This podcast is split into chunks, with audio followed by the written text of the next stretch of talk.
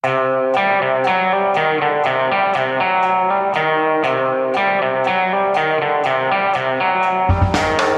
visste jeg at alle disse dagene som kom og gikk, de var selve uke 46. Uh, og i anledning denne høytidelige ukeslutten har jeg samlet rundt meg noen av uh, Norges skarpeste hjerner og beste penner, eller var det omvendt? Eh, Roar Hagen, vår eh, tegner. Per Olav Ødegaard, en nestor innen utenriksjournalistikken. Vår debattredaktør Hans Petter Sjøli. Eh, Astrid Mæland, hva skal jeg si for noe pent om deg, Astrid? Du kan få velge selv. Eh, noe med at du er kvinne, kanskje? Sterk ja, kvinne? En sterk kvinne. en sterk og fri kvinne. Eh, og Hanne Skvartvedt, vår politiske redaktør. Og jeg heter Anders Giæver, og jeg skal unngå å karakterisere meg selv. Eh, og vi er samlet her for å oppsummere denne uken på vanlig vis her i Giæver og gjengen. Og i dag våknet vi da til å si eh, sjokkmelding, overraskende melding, ganske stor sens politisk sensasjon. Sverigedemokraterna i Sverige. Et parti som for en del år siden hadde klare nazistiske sympatier er i dag det største, og som ingen svensker liksom ville ta i, andre svenske politikere ville ta i med en ildtang, er i dag det aller største partiet i Sverige på meningsmålingene. Hva har skjedd, Hanne Skartvedt?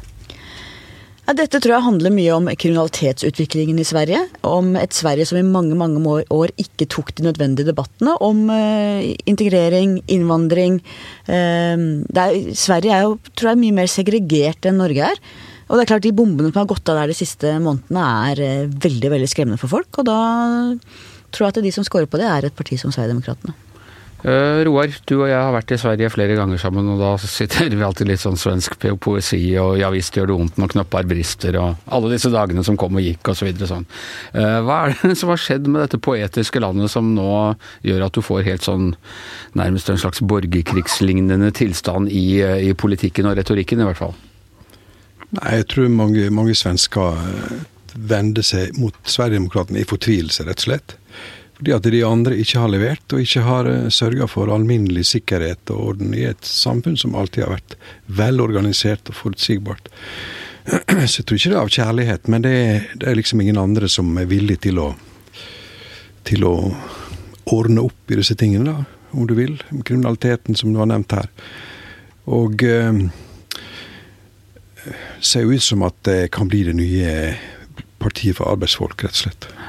Du har fulgt litt med på riksdagsdebatter og sånne ting i det siste? Ja, jeg har oppholdt meg i Sverige og hørt på debatten i Riksdagen. og Det er jo ikke tvil om at, eh, hvis vi skal prøve å være objektiv, da, eh, at Åkesson er den beste debattanten. Og han er liksom det som går inn med den folkelige Det, det du sjøl ville tenkt, eller du, altså det folk ville mm. tenkt, var det logiske responsen. Det er han som målfører det, mens de andre blir stående og forsvare tidligere vedtak osv. Så Det er jo en fordel en ny politiker alltid vil ha. selvfølgelig. Det er klart, han er, han er ny og har jo denne fortiden selvfølgelig med, med tilknytning til nazismen osv. Men eh, det er jo selvfølgelig et av hindrene for at de andre partiene ikke vil ta i det med en ildtang. På den side tror jeg folk nå er så lei av det snakket at de, de, de vil prøve dette bare for å få en forandring, rett og slett.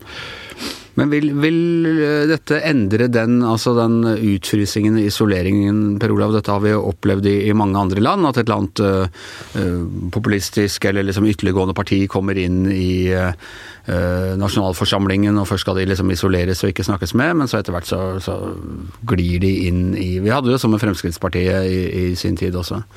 Ja da, og du så det med eh, Frihetspartiet i Østerrike, som veldig tidlig kom i regjering sammen med med det konservative partiet der, um, og har sittet i regjeringer siden. Um, uh, nå er det nok uh, Det er jo tydelig på de meningsmålingene som kommer nå, at uh, det er et veldig klart flertall for høyresiden i Sverige. Eller de har klar overvekt i forhold til venstresiden. Um, det er jo ikke slik at du ser at de partiene som er utenfor F.eks. Venstrepartiet, det, som er på ytre venstre, de er jo ikke i regjering. Eh, men eh, de går også frem i opposisjon til denne regjeringen. De får omtrent 10% på målingen. Eh, sånn at de partiene som ikke er i regjering nå, de, mange av de vinner jo på dette. denne regjeringens upopularitet. Da. Og det er jo interessant at både sosialdemokratene selv og og Sverigedemokraterna har på en måte den samme forklaringen på hvorfor de, det, hvorfor de får disse resultatene.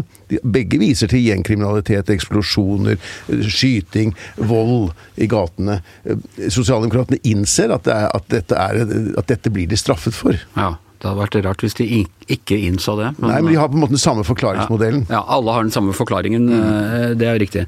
Og, øh, ja, Eh, Hans Petter? Nei, altså fordi eh, Hvis du ser på målingene i Sverige, så er det, for det første har du en veldig rar regjering i Sverige. Du har en mindretallsregjering bestående av Sosialdemokratiet og Miljøpartiet, som jo kom til makta fordi at høyrepartiene ikke ble enige seg imellom. Så det er egentlig, de sitter jo og styrer en slags rød-grønn allianse på et flertall, borgerlig flertall i parlamentet. Det er jo en veldig rar, eh, rar konstellasjon de har der.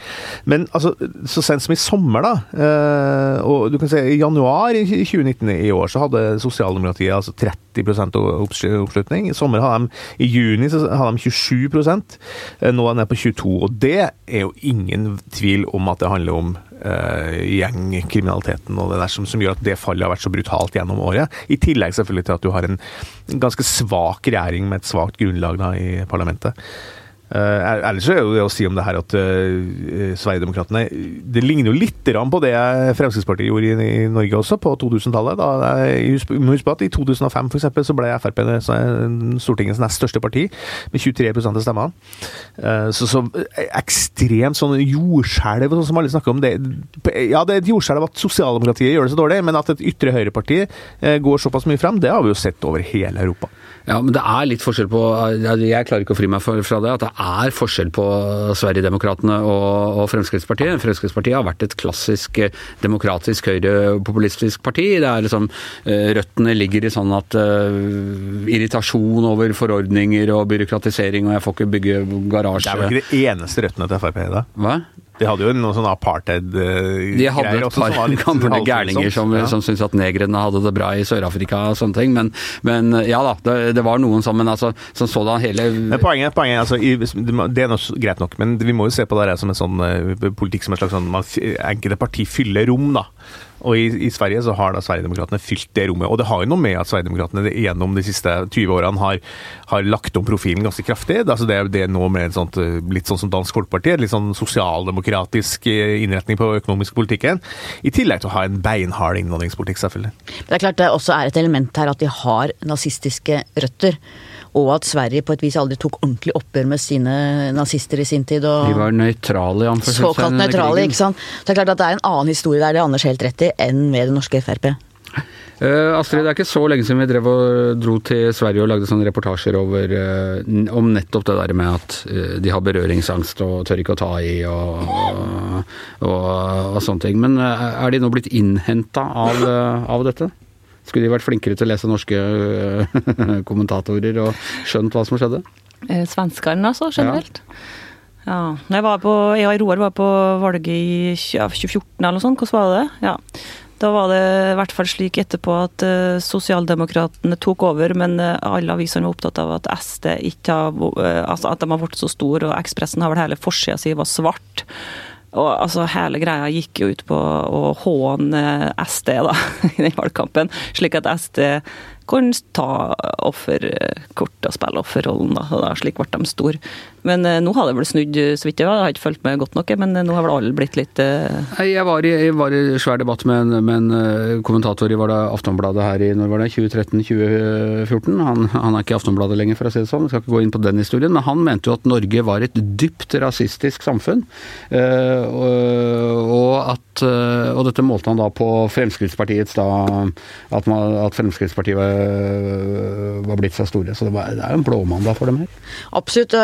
Jeg var jo for noen år siden, jeg og en annen norsk redaktørkollega, i diskusjon med en svensk redaktør om disse tingene. Og hun så på min norske kollega og meg tror jeg, som rasister, og vi så på henne som grenseløst naiv når det gjelder akkurat disse spørsmålene. Og samtidig, hvis du snakker med norske sosialdemokrater, så sier jo de at når de har vært i nordiske settinger med danske og svenske sosialdemokrater, så har det vært et hav av forskjell mellom danskene og svenskene. Og svenskene har Svenskene ser på de norske som rasister, da? Jeg ser i hvert fall på danskene som rasister, og Norge, ja. de norske som litt mer sånn nesten-rasister. Altså Det har vært et klima i Sverige som har vært helt forferdelig, og nå har det snudd.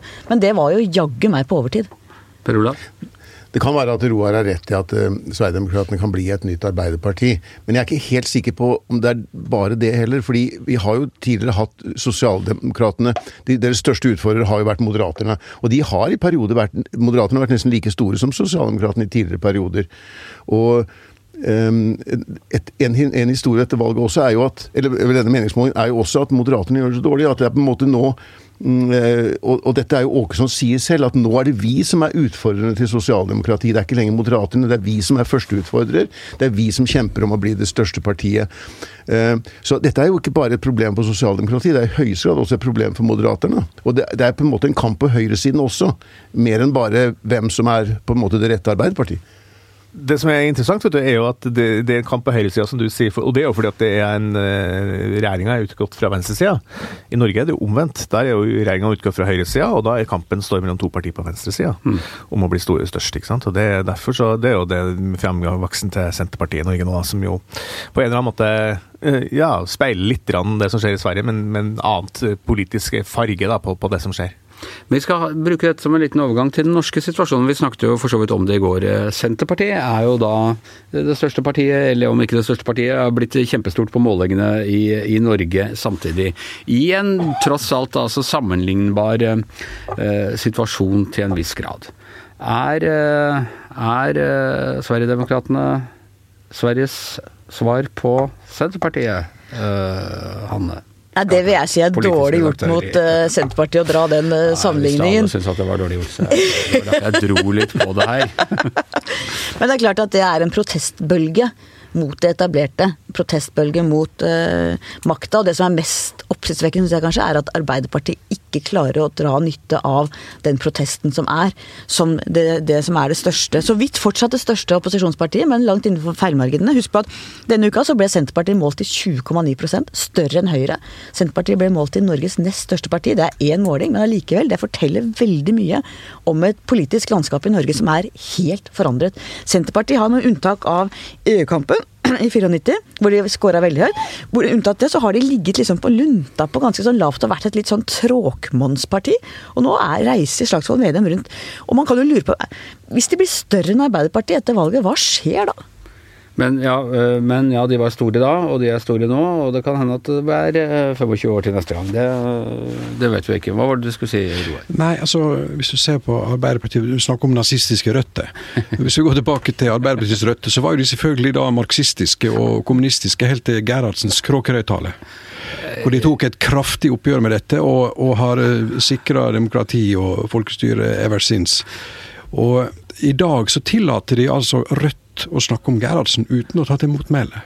Det er ganske oppsiktsvekkende. og Det er jo i dette rommet da at Senterpartiet kan vokse på venstresiden. Og sikkert mange som vi har sett, altså mange fra Arbeiderpartiet har jo overgang til Senterpartiet, og spesielt ute i distriktene. Hans Petter Sjøli, du kan mer om dette?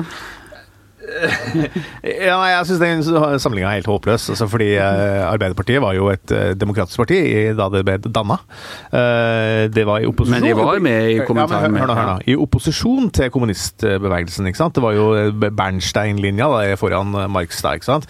eller foran, foran Lenin, men, da. foran Lenin. Men poenget var jo at Arbeiderpartiet gikk inn i en Etter russisk revolusjon så gikk de inn i kommentaren noen år, men så gikk de jo ganske fort ut igjen, for de fant ut at det her ville ikke være en del av. ikke sant? Så Arbeiderpartiet er et fundamenta, fundamentalt demokratisk parti, og egentlig har vært det alltid, bortsett fra en bitte liten periode. Så det synes jeg er helt meningsløs sammenligning. Det er omtrent som å si at Senterpartiet da, med, med sin greie på, på 30-tallet er jo mye mer nærmere så, alt det udemokratiske som foregikk i bondebevegelsen på 30-tallet, er jo egentlig en mye mer naturlig sammenligning.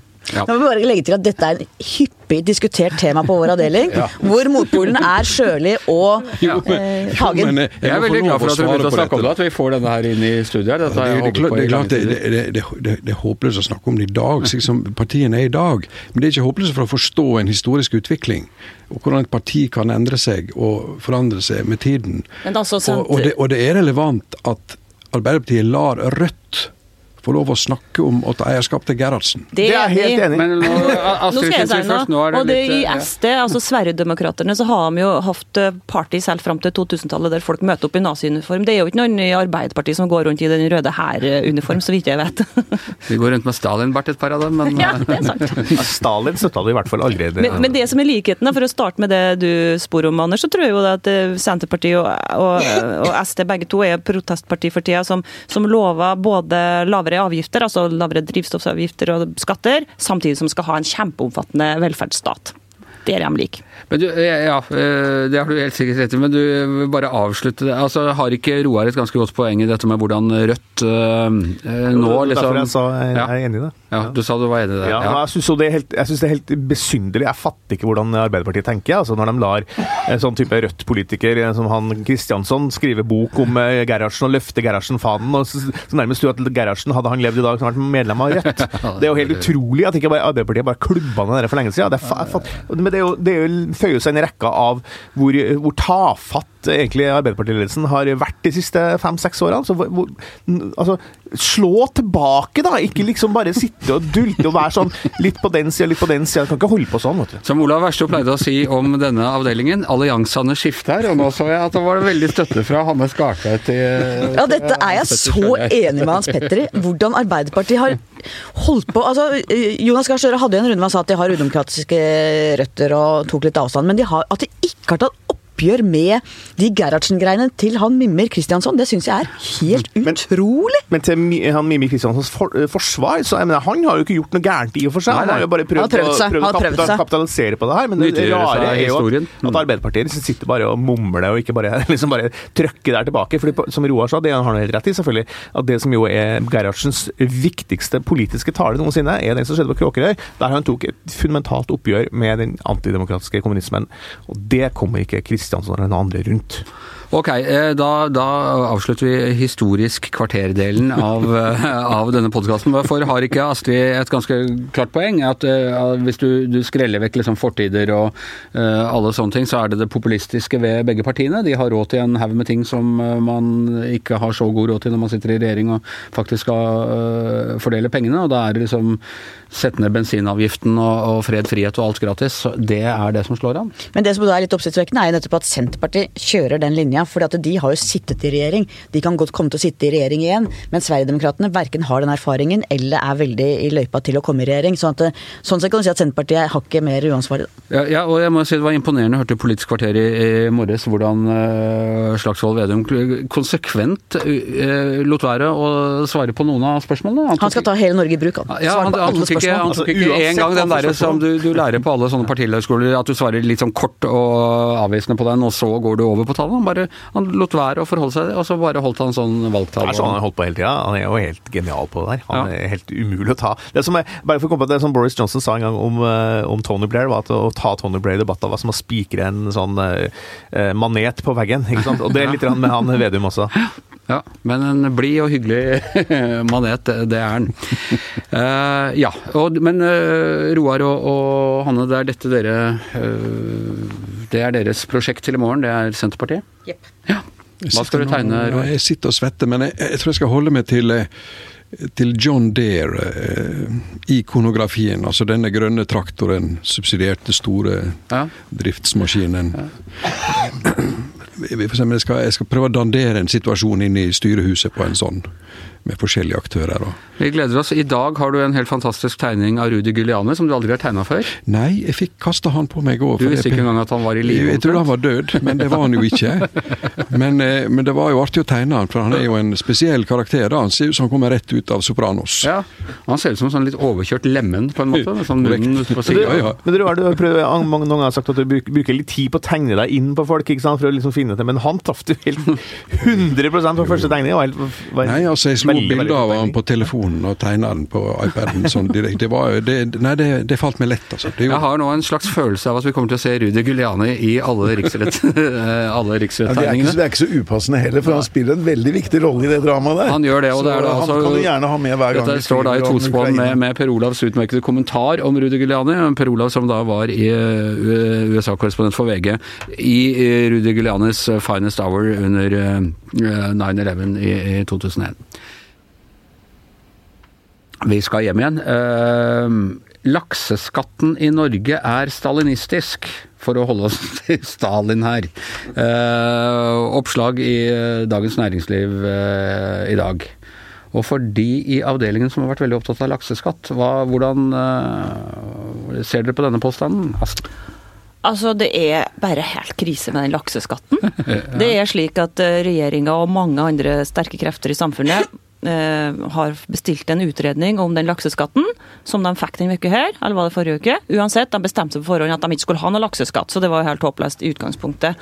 Og LO og Arbeiderpartiet og Senterpartiet er på lag med NHO og rikingene i samfunnet om at de her eh, laksemilliardærene de skal slippe grunnrenteskatt. Um, og I dag så har DN uh, et intervju med laksemilliardær Helge Møgster, som, uh, som altså sier at um, vi har bodd i en krigssone siden Erna kom til makten, fordi at Erna har bestilt den NOU-en som hun allerede har avlyst resultatet av, tydeligvis. Før de leste det, egentlig. Ja, og, ja jeg tror ikke hun leste den. Og DN eh, får da høre det at den avisa kommer til å gå ad undas fordi at DN har gått inn for lakseskatten, akkurat som VG har gjort, og, og alle andre fornuftige krefter i Norge. Um, og han, han, altså jeg tror kanskje at Hvis vi får litt flere intervju med de laksemilliardærene, så kanskje er det håp han om at vi får den lakseskatten innført. Ja, det håper jeg. For det er altså helt ko-ko, som har blitt det nye uttrykket nå. At en næring som da bruker eh, naturressursene, bruker fjordene eh, på samme måte som oljenæringen, kraftnæringen har grunnrenteskatt på at de bruker liksom knappe naturressurser. At laksenæringa ikke skal gjøre det, og at LO stiller seg på lag med de folka. Og vi vet det har vært intens lobbying med Robert Eriksson fortalte hvordan de hadde holdt på her i DN i går eller forgårs. Med liksom å bygge nettverk, og han var kanskje mye mer åpen enn de andre. Også Sigbjørn Aanes, tidligere spinndoktor for Erna Solberg, har kjørt med veldig hardt på. De har hatt lobby herfra og til månen. Og har vunnet fram. Altså før utredningen kommer, så har tre regjeringspartier konkludert, Senterpartiet har konkludert, og Arbeiderpartiet av alle som også er i tvil om vi skal skattlegge noen av de rikeste i Norge. for å Jo, men er ikke dette, er ikke dette så, altså det, det man prøver med den skatten, er å ta pengene fra distriktene og sende dem til Oslo, hvor folk bare sitter og koker kaffe caffè latte til hverandre? Ja, dette har jo lobbyister vært innmari flinke til å frame som at det er det som er narrativet. Og at så mange har gått på det, syns jeg er helt Men da er det jo slik da, at da er det verre at Oslo, altså fellesskapet, da, får noe som helst. Det er bedre at de ikke får noen ting, fellesskapet, enn at det, at det skal sendes til Oslo og da eh, sendes det videre. Det er det som er prinsippet for all skattlegging, at det da skal sendes videre sant, fra fellesskapet og ut til kommunene igjen. Det er jo helt håpløst, det er helt sjokka, og det har vært så mange avsløringer denne uka her. E24 har en kjempegod avsløring eh, som viser at eh, flere av professorene som har sittet og skrevet kronikker mot den lakseskatten, altså eh, er kjøpt og betalt av næringa.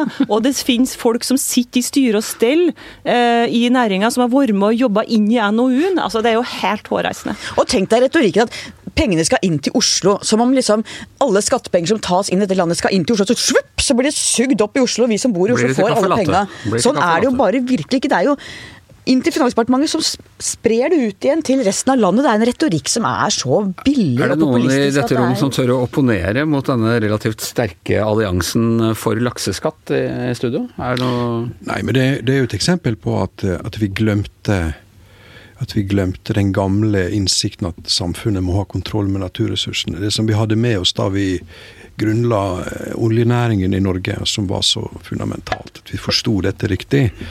Eh, Det, forteller oss jo at vi heller ikke forsto hvor stort laks skulle bli. Og I dag er det jo svære interesser som er involvert i dette, og mye vanskeligere å innføre det i, i ettertid. Husk på at disse folka har altså fått De aller fleste fikk lisenser gratis. De har, har sitter på lisenser verdt omkring 200 milliarder kroner, og har betalt til sammen 7 milliarder for dette. Og de selger det seg imellom. For en, de har fått en gavepakke av staten, og nå sutrer de og holder på, som du refererer til, Astrid, med liksom krigssone, og det er bare helt eh, De har en driftsmargin på 25% i snitt, det her selskapene der. DN har en kjempebra sak i dag om hvor mange milliarder de har tatt ut i overskudd. Ja, da, er så rike de folka her, og, og samtidig tar de sånne ord som misunnelse da, da, og vil årelate, vil årelate kysten. Det her er til å grine av. Hva er det for noe tullprat, av den greia her, da? Men egentlig er det litt kult at de ordlegger seg sånn, for at det, da tror jeg kanskje at du ser hvor vanvittig vanvittig urimelig det er. Hvis de hadde holdt litt mer tilbake og vært litt mer nøkterne i ordbruken, så kanskje vi ikke hadde sett så tydelig hvordan dette egentlig er. Men er denne hele, hele den saken, øh, for meg som ikke har satt meg så godt inn i det, for å si det forsiktig, er det bare sånn at øh, det er helt opplagt for alle og enhver at øh, de skal betale skatt, men fordi de tjener så mye penger, så har de råd til å hyre inn en haug med spinndoktorer og lobbyister og professorer og jeg vet ikke hva, til å føre saken for seg? Er det det som er, øh, er crux her, eller er det også gode argumenter for at de eh, bør, bør slippe skatt? Altså, de har fått med seg NHO, KS, alle sterke LO. krefter. LO, altså Det er umulig å få innført det her hvis dette her står seg. Men jeg tror det er mye med um, lobbyisme. Og så er det selvfølgelig en diskusjon om hvor stor grunnrenta egentlig er i den næringa. Um, og den, Det går an å diskutere, ikke sant? for det, det, det er mange andre forutsetninger som gjør at de tjener så mye penger nå, valuta osv. osv. Men det er ganske god, øh, så vidt jeg forstår. Jeg har ikke lese, tror jeg Hanna leser mer av den øh, utvalgsrapporten, men jeg tror det er ganske godt begrunnet at det er god grunn til å beskatte dem. altså. Ja, og sånn som jeg forstår innretninga, så går den jo på at, at det er når de tjener penger de skal betale grunnrente. At det er ikke, det er ikke som formuesskatt og andre ting hvor du liksom tar på av driftsutstyret ditt uansett. Det er en skatt som er innretta sånn at det er når du tjener penger at du betaler skatt. Yes, Det virker som det er ganske samstemmig, samstemmighet i dette studioet rundt at uh... Men det Altså, hvis du ser på meg og venter skal være opposisjon, det er vans vanskelig her. Jeg ser, jeg ser desperat etter opposisjon. Magne, Når selv, noe- når selv Nei, men Hagen er for, Jo, så men- skjønner vi at det men, er Men du vet for. at når du gir en konsesjon i en fjord, og den ikke blir benytta, eller at du kan bare selge den fritt videre uten at samfunnet tar, tar den tilbake hvis du ikke klarer Det er jo helt utrolig. Og utrolig at Venstre er med på dette. Det er, det er den største gåten. Så jeg vil, jeg vil jo tro at laksenæringa i det lange løp ville være mer tjent med en, en fornuftig grunnrentebeskatning i det lange løp. I kontrakten med samfunnet og i bruken av fjordene våre og, og kriser for lakseelvene våre osv. Så, videre, og så, videre. så det kan være en, eh, at jeg ler litt for tidlig her. Ja. Ja, det tror jeg. Og når du reiser rundt i Kyst-Norge, Distrikts-Norge, som har oppdrettsanlegg, så er det jo fullt av fattige kommuner som ikke har råd til vann i badebassenget. Og de er jo ofte sint, folk som bor der, på de rikingene som driver og håver inn. Og det er ikke mye arbeidsplasser heller, vet du. Det er bare 8000 arbeidsplasser i hele Norge den næringa gir. Så eh, jeg tror for legitimiteten sin eh, skyld, så tror jeg kanskje næringa kommer til å de kanskje vinner første slaget, men taper krigen. Ja. Håper jeg. jeg. I mange tilfeller så er det jo at de har lagt laksemerere, og så hadde de i begynnelsen flere arbeidsplasser, men så er veldig mye blitt automatisert, robotisert av fòring og andre ting. Så de lokale arbeidsplassene som var der, er også blitt borte. Ja. Ok, ja, men da sier jeg det. Det er enighet her i. Ever om gjengen i, i norsk lakseskattpolitikk. Eh, og den enigheten kommer til å stå inntil eventuelt en ny person kommer inn i avdelingen. Eh, vi var innom så vidt nå, vi har snakka om riksrettssaken mot Trump eh, flere ganger. Vi var, eh, nevnte Guliani. Skjedde ikke så veldig mye i går, så vi tar en liten Trump-pause i dag. Men den store utenrikspolitiske saken utover det, Per Olav, det er at det er Bolivia. Og, og Evo Morales, som, eh, som altså er eh, Må jo si at han har vært offer for et statskupp, må han ikke det? Ja, øh, han fikk jo de, den hærledelsen mot seg. De sa at øh, du må du må forlate landet for at vi skal gjenopprette ro og orden. Han mistet fullstendig han Enhver mistet statsleder som får hærledelsen mot seg og beskjed om å forlate landet, må kunne sies å være det er et kupp. Ja. Eh, samtidig så var det et kupp som kom etter flere uker med massive demonstrasjoner over hele landet.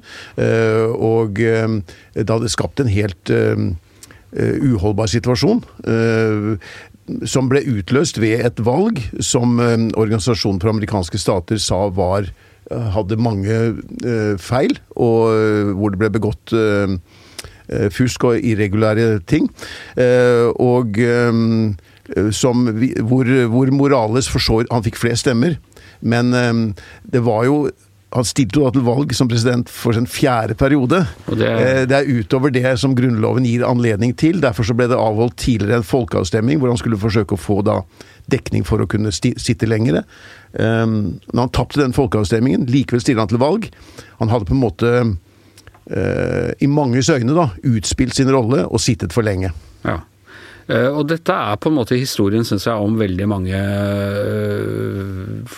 folk, for så vidt folkevalgte sånne venstresidehelter i, ja, ikke bare i Sør-Amerika, men, men rundt omkring i verden. De, de velges for så vidt eh, på, på normalt demokratisk vis, og, de, og de er folkehelter og, og sånn, og så kommer tiden til å gå av, trekke seg av sånne ting, så finner de ut at folkets Morales- vilje må bendes litt for Morales har ut, ut, eh, utrettet svært mye siden Ja. han, i sin tid som president siden 2006. Ja, Mugabe veldig, utretta også mye en stund. Det har vært en veldig økonomisk fin utvikling i, i De Bolivia. hadde 4,5 i snitt, altså i vekst i snitt siden Morata Morales Ja, tok han må jo forholde seg til Og, og, grunnloven. og de har, eh, har halvert fattigdommen. Men problemet er jo sånn som vi snakket om, at det, det er jo sånne folk som tror at de er så uunnværlige. ikke sant? Når de først har satt i gang noe, så er det sånn, da, må det, da handler det egentlig, til slutt handler det bare om dem sjøl. Ja. Og det er det som har skjedd med han Morales, og det som skjer også med i Venezuela og med han Chávez, som ble veldig høy på seg sjøl. Putin øh, Ja. ja. altså det, det som vi snakker om i Norge ofte, at uh, kirkegården er full av uunnværlige menn. Ikke? Ja. Var jo en Einar Førde som sa det. Ja. Eh, men, men her er det, jo, er det mer håndfast. Her mener de folka her at de er uunnværlige, og det, da blir de eh, Det var en som sa om eh, Evo Morales, som er godt, han var en ganske dyktig politiker, men en helt elendig demokrat. Det er eh, fortsatt uklart hva som skjer der. Eh, Morales vil jo tilbake, sitter jo nå i eksil i Mexico. eh, Vil tilbake. Han har mange støttespillere. Vi skal ikke undervurdere den støtten han fortsatt har i Bolivia. Så det der er et drama som kommer til å fortsette. Tror jeg den dragkampen om makt der. De har fått en midlertidig president nå. Og kan jeg si noe her? Det er morsomme. Hun er Janine Agnes, som heter hun den nye presidenten. Partiet hennes, eller Kandidaten for hennes parti fikk altså 4% i pres presidentvalget nå sist. Og det første hun gjør når hun tar over, er å da anerkjenne han Guaidó i, eh, i Venezuela. Eh, så det er klart, det, det er jo litt Det er jo ikke helt sånn demokratisk flott, det som skjer akkurat nå i Bolivia. Altså. Nei, og det er i hele tatt eh, Etter at man hadde på en måte demokratiet vant fram i hele Latin-Amerika eh, på, i løpet på 90-tallet, egentlig. 80-90-tallet. Og, liksom, og, og det var også en lovende økonomisk utvikling i mange mange av disse landene. Så har vi jo sett i hele høst at det har vært opprør, opptøyer, uh, uro i, nest, i nær sagt altså fra Mellom-Amerika og, og ned helt til Chile. Chile som jo også var et av de eksemplene på en, en veldig tilsynelatende stabil og, uh, stat uh, og god økonomi. Men også der har det vært eh, voldsomme og langvarige opptøyer. Det var jo sensasjonen i sin tid at sandinistene de også var sånn venstresidehelter i Nicaragua.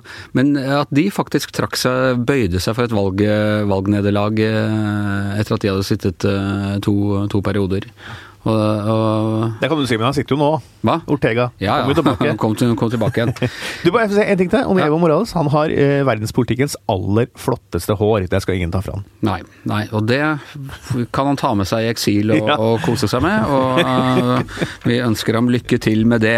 Uh, vi går mot slutten, men vi skal ha helgetips. Hvordan kommer du deg gjennom helgen når det ikke kommer Giæver og gjengen og, og kose seg med? Eh, begynner på vår ivrigste tipser, eh, Hans Petter Sjøli.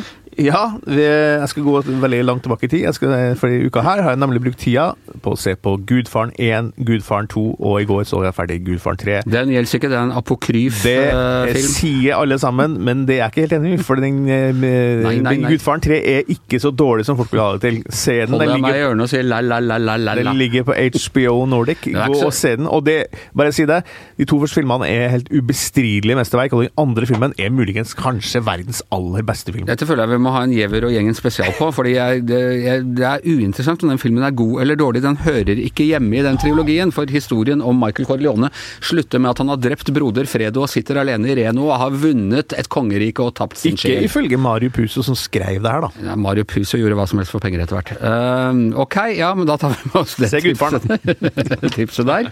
Uh, per Olav, har du, har du et tips? Jeg følger opp, jeg, for nå har jeg sittet og sett på uh, The Godfather of Harlem, som er en ny serie. Eh, som er på strømmetjeneste, og som eh, ikke er lagt ut alle episodene ennå heller, men som handler om et veldig sånn spennende eh, tid i amerikansk historie. Altså tidlig på 60-tallet i Harlem, New York, hvor du har en, en krig mellom bander, italienere og den svarte befolkningen i Harlem om å kontrollere narkotikamarkedet i den, i den bydelen. Og så er hele bakteppet begynnelsen av borgerrettighetskampen som eh, preger eh, byen, og vi ser mye til f.eks. Malcolm X, som var en av de figurene i den, i den kampen. Er det HBO, eller hvor var den? Jeg går på Sumo, TV2 Sumo. På TV2 Sumo.